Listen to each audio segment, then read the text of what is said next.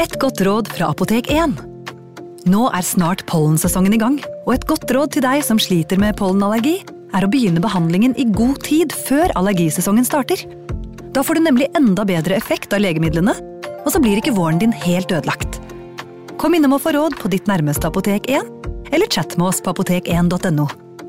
Apotek 1 vår kunnskap, din trygghet.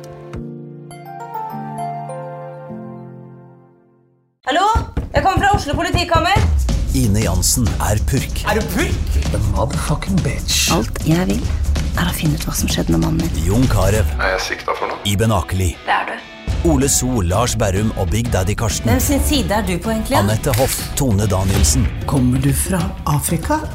Jørnis Josef, Nesten kløfta. Trond Espen Seim, Det er synd å si det, men det var feil mann som døde. Purk. Premiere tirsdag på TV2 Play. Ungsamtalen fra DNB er økonomisk veiledning tilpasset deg som er ung. Bokk en ungsamtale på dnb.no. slash ung. Det er kjempebra hvis du skal inn på boligmarkedet, hvis det er drømmen din, liksom. Det er det du skulle sagt. Og så kunne du ropt litt mer, da, sånn som jeg gjorde. Bam! Advarsel. Denne podkasten inneholder skildringer av ekte drap og kriminalsaker som kan være støtende for enkelte. Det advares også mot sterke inntrykk i deler av episoden. 5. juli 2017, Bucks County, Pennsylvania. Klokken var rundt seks på kvelden da 19 år gamle Jimmy Patrick forlot hjemmet sitt. Jimmy bodde sammen med besteforeldrene sine i det som ble sett på som et av de tryggeste områdene i hele Pennsylvania. Han fortalte at han bare skulle ut for å spise med noen venner, og lovet at han ville komme hjem etter et par timer. Men da klokken ble to på natten, hadde besteforeldrene fremdeles ikke hørt fra Jimmy. Bestemoren hadde sendt 22 meldinger, men Jimmy hadde ikke gitt fra seg et eneste livstegn. Da Jimmy heller ikke møtte opp på jobb neste morgen, begynte besteforeldrene å frykte at det hadde skjedd noe med barnebarnet. De kontaktet politiet, som ikke delte deres bekymring. Jimmy ble meldt savnet, men politiet så ingen grunn til å iverksette en stor leteaksjon. De ba heller besteforeldrene om å være litt tålmodige, så ville Jimmy sikkert dukke opp igjen. Besteforeldrene prøvde å vente, men timene gikk uten at de hørte fra Jimmy. Den 7. juli, to dager etter at Jimmy hadde forsvunnet, skulle Dean Finocchiaro ut og treffe en venn. Dean var i likhet med Jimmy 19 år gammel, men hadde en litt brokete fortid. Dean hadde flere ganger havnet i trøbbel med politiet, og han både brukte og solgte narkotika. I tillegg hadde han slitt med depresjon og psykiske lidelser, og foreldrene var bekymret for Dean. De følte likevel at han var på bedringens vei, og håpet at 2017 skulle bli et godt år.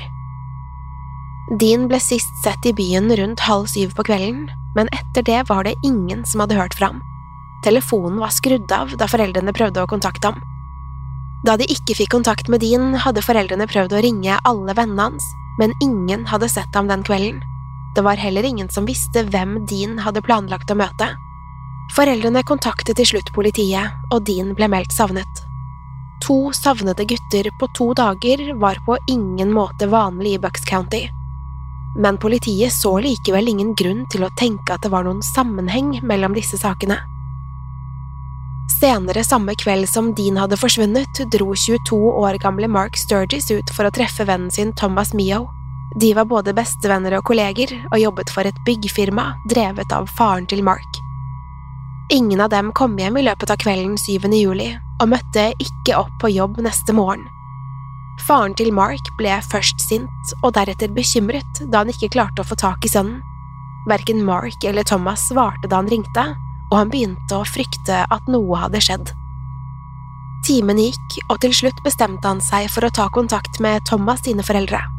Han fikk da beskjed om at heller ikke de visste hvor guttene hadde blitt av.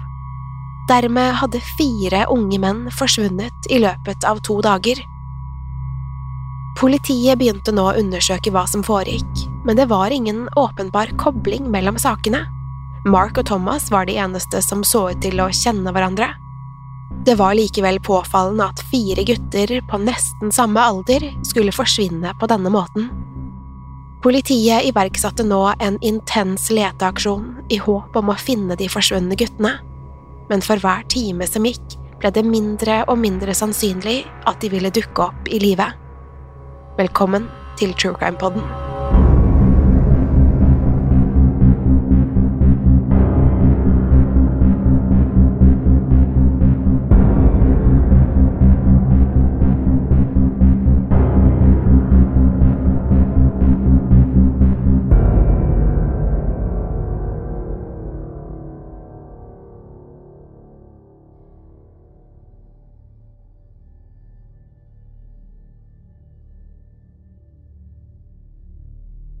Det var nå søndag 9. juli, og ingen av familiene hadde mottatt noen livstegn fra de forsvunne guttene. Politiet skulle riktignok få et lite gjennombrudd i saken da de fant Mark sin bil parkert utenfor et kjøpesenter. Etterforskerne utforsket alle muligheter og snakket med alle som potensielt kunne ha vært i kontakt med guttene. De gikk gjennom lange vennelister, men det var en av Deans venner som de ikke klarte å få tak i. Hans navn var Cosmo Dinardo, og politiet var interessert i å prate med ham. Familien hans eide nemlig en stor gård som lå i nærheten av parkeringsplassen der Marks bil ble funnet. Det var ingen tegn til noen av guttene på denne gården, men da politiet utforsket et skur på tomten, oppdaget de en bil på innsiden. De sjekket registreringsnummeret og kunne snart bekrefte at dette var bilen til Thomas Mio. Nøklene var fremdeles i bilen, og politiet fant også en mappe som inneholdt sprøyter og insulin. Thomas hadde diabetes, og det var derfor utenkelig at han ville dratt noe sted uten denne mappen. Politiet håpet nå at gården skulle bli nøkkelen til å finne guttene. Gården så i hvert fall ut til å være den eneste naturlige koblingen mellom forsvinningene. Dean hadde kjent Cosmo Dinardo, bilen til Thomas ble funnet på tomten, og sist Jimmy Patricks telefon hadde vært i bruk, hadde den også vært i nærheten av den samme gården. Politiet begynte nå å frykte det verste, men enn så lenge var det fremdeles håp om å finne de fire guttene i live. Politiet begynte derfor å etterforske dette som én stor forsvinningssak. Det var Antonio Dinardo som eide gården, men det var sønnen hans, 20 år gamle Cosmo, som nå var i politiets søkelys. Cosmo var i samme aldersgruppe som de fire guttene, så politiet mistenkte at det var han som koblet alle sammen. Cosmo Dinardo ble født den 21. januar 1997 og vokste opp i Bensalem, Pennsylvania. Han kom fra en svært velstående familie som eide flere firmaer og eiendommer i byen. I 2005 hadde de kjøpt den store gården Salbury for over fem millioner dollar. Med på kjøpet fulgte den gigantiske tomten hvor familien blant annet jaktet på hjort og kjørte ATV-er. Dette var et feriested for familien, og Cosmo tilbrakte mye tid på gården. Cosmo hadde gått på en privatskole i Bensalem. Her viste han seg som en flittig student og en talentfull idrettsutøver. Cosmo var en lovende amerikansk fotballspiller, men han bestemte seg for å legge denne karrieren på hyllen etter å ha pådratt seg flere hjernerystelser. Mange følte at disse skadene påvirket Cosmo kanskje mer enn han selv var klar over.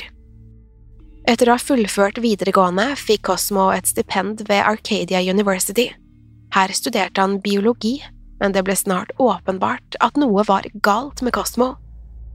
Der han tidligere hadde gjort det godt på skolen, brukte han nå langt mindre tid på studiene. I løpet av tiden på universitetet begynte han å oppføre seg mer urovekkende og havnet flere ganger i konflikt med politiet. Det var over 30 ulike hendelser, men Cosmo ble likevel aldri arrestert. Selv om han etter hvert ble en kjenning hos det lokale politiet, var det kun snakk om mindre forbrytelser og lovbrudd.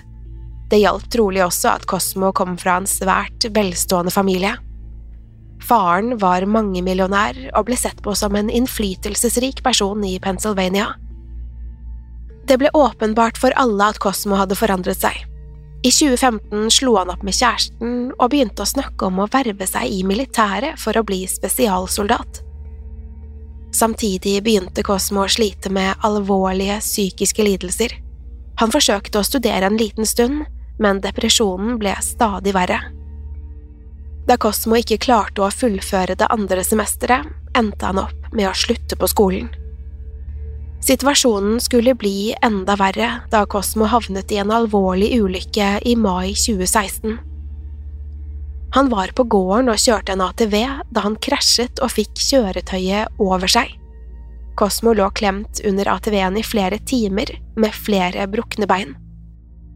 Han måtte derfor sitte i rullestol mens han ventet på at bruddene skulle leges. Det var likevel hodeskadene som skulle få størst konsekvenser.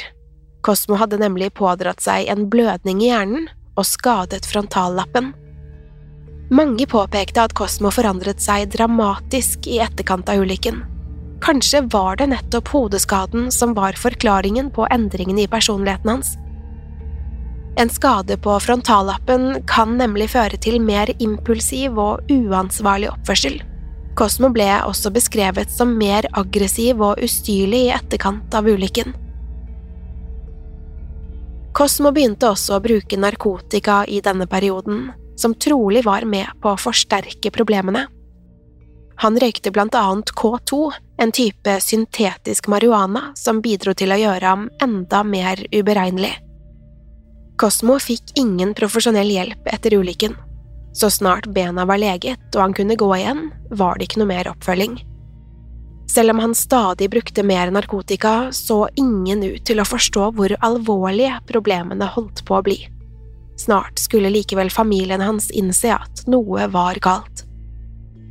I juli 2016 ringte nemlig Sandra, moren til Cosmo, til politiet.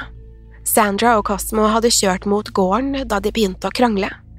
Det hele endte med at Cosmo gikk til angrep på moren sin før han bet henne i armen og slo henne i ansiktet. Sandra tråkket på bremsen, men Cosmo endte opp med å åpne døren og hoppe ut før bilen hadde stanset. Han haltet ut på veien, hvor han prøvde å sette seg inn i bilen til en ukjent kvinne. Cosmo skrek at han hadde rømt fra en kidnapper. Cosmos psykiske lidelser var nå verre enn noen hadde forstått. Han mente nemlig at moren var en russisk spion som planla å drepe ham. Cosmo mistenkte at hun forsøkte å forgifte maten hans, og hadde derfor sluttet å spise det han ble servert. Da politiet kom for å undersøke hva som foregikk, ble Cosmo lagt i jern. Det ble fastslått at han utgjorde en risiko for seg selv og andre, og han ble til slutt sendt til en psykiatrisk klinikk. Her ble Cosmo diagnostisert som bipolar, og det kom frem at han led av både schizoaffektiv lidelse og schizofreni. Cosmo fortalte at han hørte stemmer i hodet sitt som nå oppfordret han til å utøve vold mot andre. I løpet av de neste fem månedene skulle Cosmo bli tvangsinnlagt tre ganger. Det var stort sett korte opphold hvor han fikk skrevet ut nye medisiner, men det var likevel ingen tegn til at Cosmo var på bedringens vei. Han fortsatte å oppføre seg voldelig, og i september 2016 angrep Cosmo faren med en murstein. Hele familien var nå svært bekymret, men visste ikke hva mer de kunne gjøre. De fryktet at det bare var et spørsmål om tid før det skjedde noe forferdelig.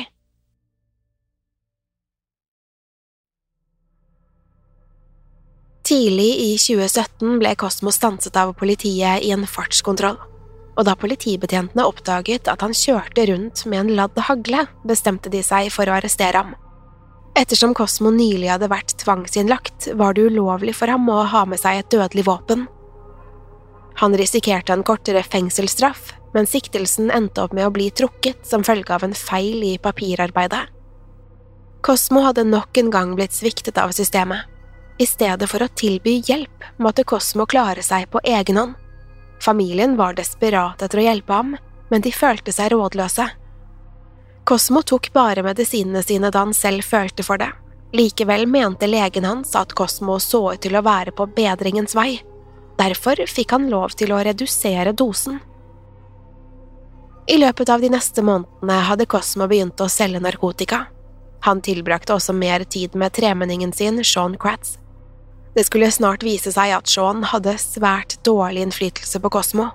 Sean hadde nemlig vært mistenkt i et drapsforsøk, der offeret hadde blitt permanent lammet. Som hevn hadde Sean blitt skutt i et bakholdsangrep. Han ble truffet i det ene benet og haltet fremdeles da han gikk. Foreldrene til Cosmo kjente ikke alle detaljene i Seans fortid. De var derfor heller ikke spesielt bekymret da Cosmo og Sean fant hverandre. Foreldrene hans følte nemlig at Cosmo virket ensom og hadde behov for en venn. Det ble likevel tydelig at Cosmo fremdeles hadde problemer. Han begynte nemlig å dele forstyrrende innlegg og bilder av seg selv på sosiale medier. Her poserte han blant annet med våpen og blod og synlige skader i ansiktet. Det var nå juli 2017, og Cosmo var i politiets søkelys i sammenheng med de fire forsvinningene. Jimmy, Dean, Mark og Thomas hadde alle en tilknytning til Cosmo eller gården. Det virket derfor som at Cosmo var nøkkelen til å finne ut hva som egentlig hadde skjedd. Politiet fortsatte å undersøke gården i Solbury i håp om å finne spor etter guttene. Det var et stort område å lete gjennom, men etterforskerne var sikre på at de kom til å løse gåten. Cosmo ble fremdeles ikke omtalt som mistenkt i saken, men politiet var svært interessert i å prate med ham. Cosmo fortalte politiet at han hadde truffet Dean samme kveld som Dean forsvant. Cosmo hevdet at de hadde kjørt i hans bil, men at de hadde begynt å krangle. Til slutt hadde Cosmo blitt så irritert at han etterlot Dean langs veien. Selv om Cosmo nektet for å ha skadet Dean, var etterforskerne overbevist om at han visste mer enn han ga uttrykk for. De hadde ikke nok bevis til å arrestere Cosmo i sammenheng med forsvinningene, men bestemte seg nå for å sikte ham for ulovlig våpenbesittelse. Etterforskerne håpet at de kunne få flere svar i et avhør, men Cosmo ble løslatt allerede neste morgen, da faren hans betalte kausjonen. Selv om de ikke hadde fått noen endelige svar, var etterforskerne sikre på at de var på rett spor. Familiene til de savnede guttene var nå desperate etter å finne ut hva som hadde skjedd. For hver dag som gikk, ble håpet om å finne dem i live stadig svekket. Det skulle bare gå noen få dager før Cosmo nok en gang ble arrestert av politiet. Denne gangen var det en av Cosmos venner som hevdet at han hadde prøvd å selge Thomas Mio sin bil for 500 dollar. Cosmo ble dermed siktet for tyveri, og denne gangen ble kausjonen satt til fem millioner dollar for å hindre at han skulle bli løslatt med en gang. Politiet hadde vært sikre på at de kom til å finne noe på gården, og den 13. juli skulle de gjøre et grusomt funn. Begravd i et stort oljefat tre meter ned i jorda fant de nemlig levningene etter tre unge menn. De ble snart identifisert som Mark Sturgis, Thomas Mio og Dean Finocchiaro. Jimmy Patrick ble ikke funnet i denne massegraven, men politiet innså nå at det var lite sannsynlig at han kom til å bli funnet i live. Overraskende nok begynte Cosmo å tilstå drapene da han ble konfrontert med funnet. Dagen etter ble også Sean Kratz arrestert og siktet for medvirkning til drap. Cosmo avslørte at drapene var et resultat av tre ulike narkotikahandler. Han fortalte at han sammen med Sean hadde avtalt å selge marihuana til de fire guttene, men av ulike årsaker hadde de endt opp med å drepe alle sammen. Cosmo hadde kjent guttene fra før, men han var ikke nødvendigvis venn med noen av dem. Politiet lurte derfor på hvorfor han hadde bestemt seg for å drepe alle fire. Cosmo og Jimmy Patrick hadde avtalt å møtes den 5. juli. Planen var at Jimmy skulle kjøpe nesten to kilo marihuana, som han planla å selge videre til venner og skolekamerater. Cosmo ville ha 8000 dollar for narkotikaen, men hevdet at han ikke tjente spesielt mye penger på handelen. Cosmo hentet Jimmy utenfor hjemmet hans før de kjørte sammen til gården hvor Sean ventet på dem. Her viste det seg at Jimmy ikke hadde med seg mer enn 800 dollar. Cosmo ble irritert og ga uttrykk for at han trengte pengene.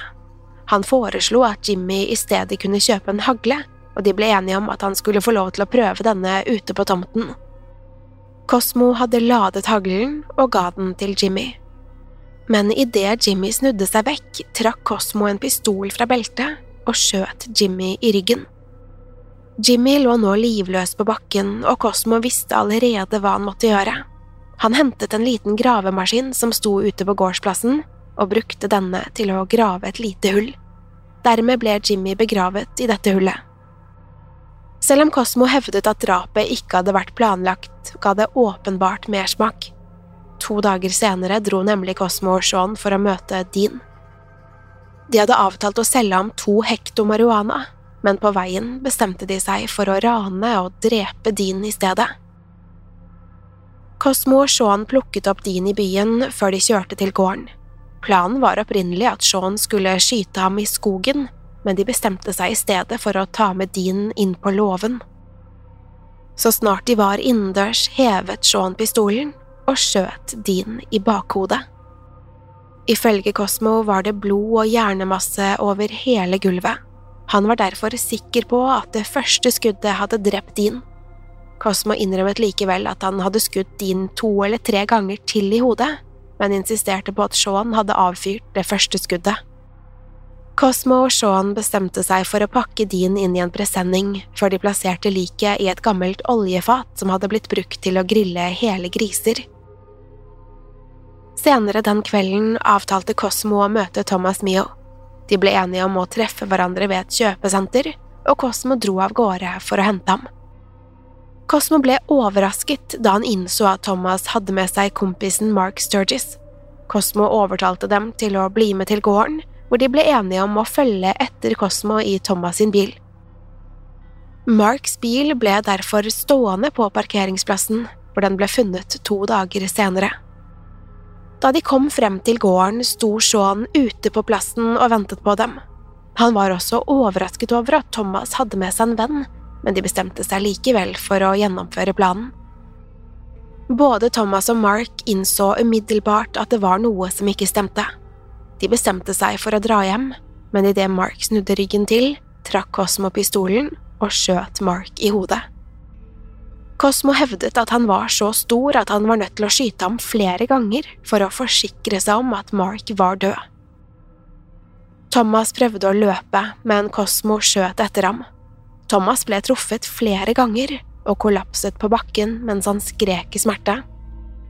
En av kulene hadde truffet ryggraden hans, og Thomas klarte ikke å bevege bena.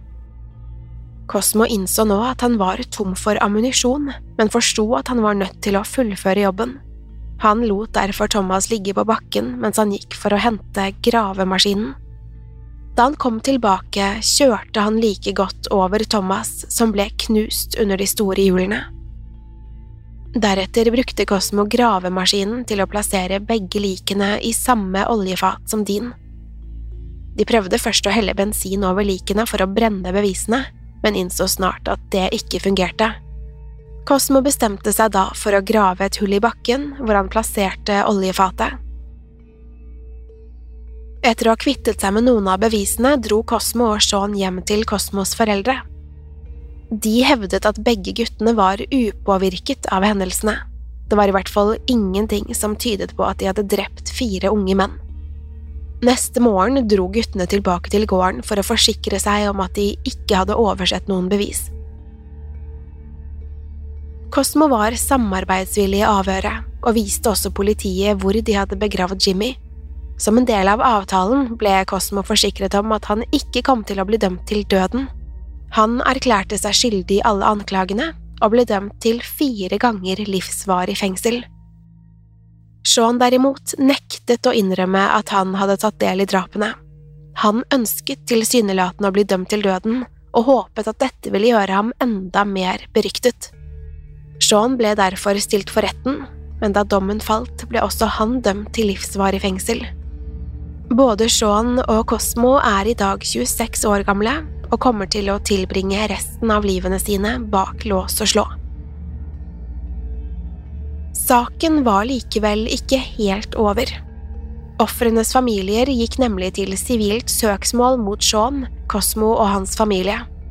De mente at foreldrene til Cosmo hadde opptrådt svært uansvarlig da det viste seg at Cosmo hadde brukt morens pistol til å drepe alle fire guttene. Familien mente selv at de hadde fjernet alle våpen da Cosmo ble lagt inn på den psykiatriske klinikken. Håndvåpenet hadde vært låst inni en safe, men Cosmo hadde likevel fått tak i den. Det ble til slutt slått fast at foreldrene hadde et juridisk ansvar ettersom de indirekte hadde skaffet drapsvåpenet. Mange har spekulert i om Cosmo og Sean hadde fortsatt å drepe dersom de fikk muligheten. Det har nemlig blitt foreslått at Cosmo planla å drepe sin egen far den dagen. Han hadde nemlig ringt faren sin flere ganger og bedt ham komme til gården. Men da Antonio Dinardo dukket opp, hadde han med seg elskerinnen sin. Cosmo hadde bedt han komme alene, og da han fikk øye på elskerinnen, ba han faren om å dra igjen. Selv om det ikke er mulig å unnskylde Kosmos handlinger, er det åpenbart at han flere ganger ble sviktet av systemet. Verken familien eller de psykiatriske klinikkene klarte å gi han den hjelpen han hadde behov for, og til slutt skulle dette koste fire unge menn livet.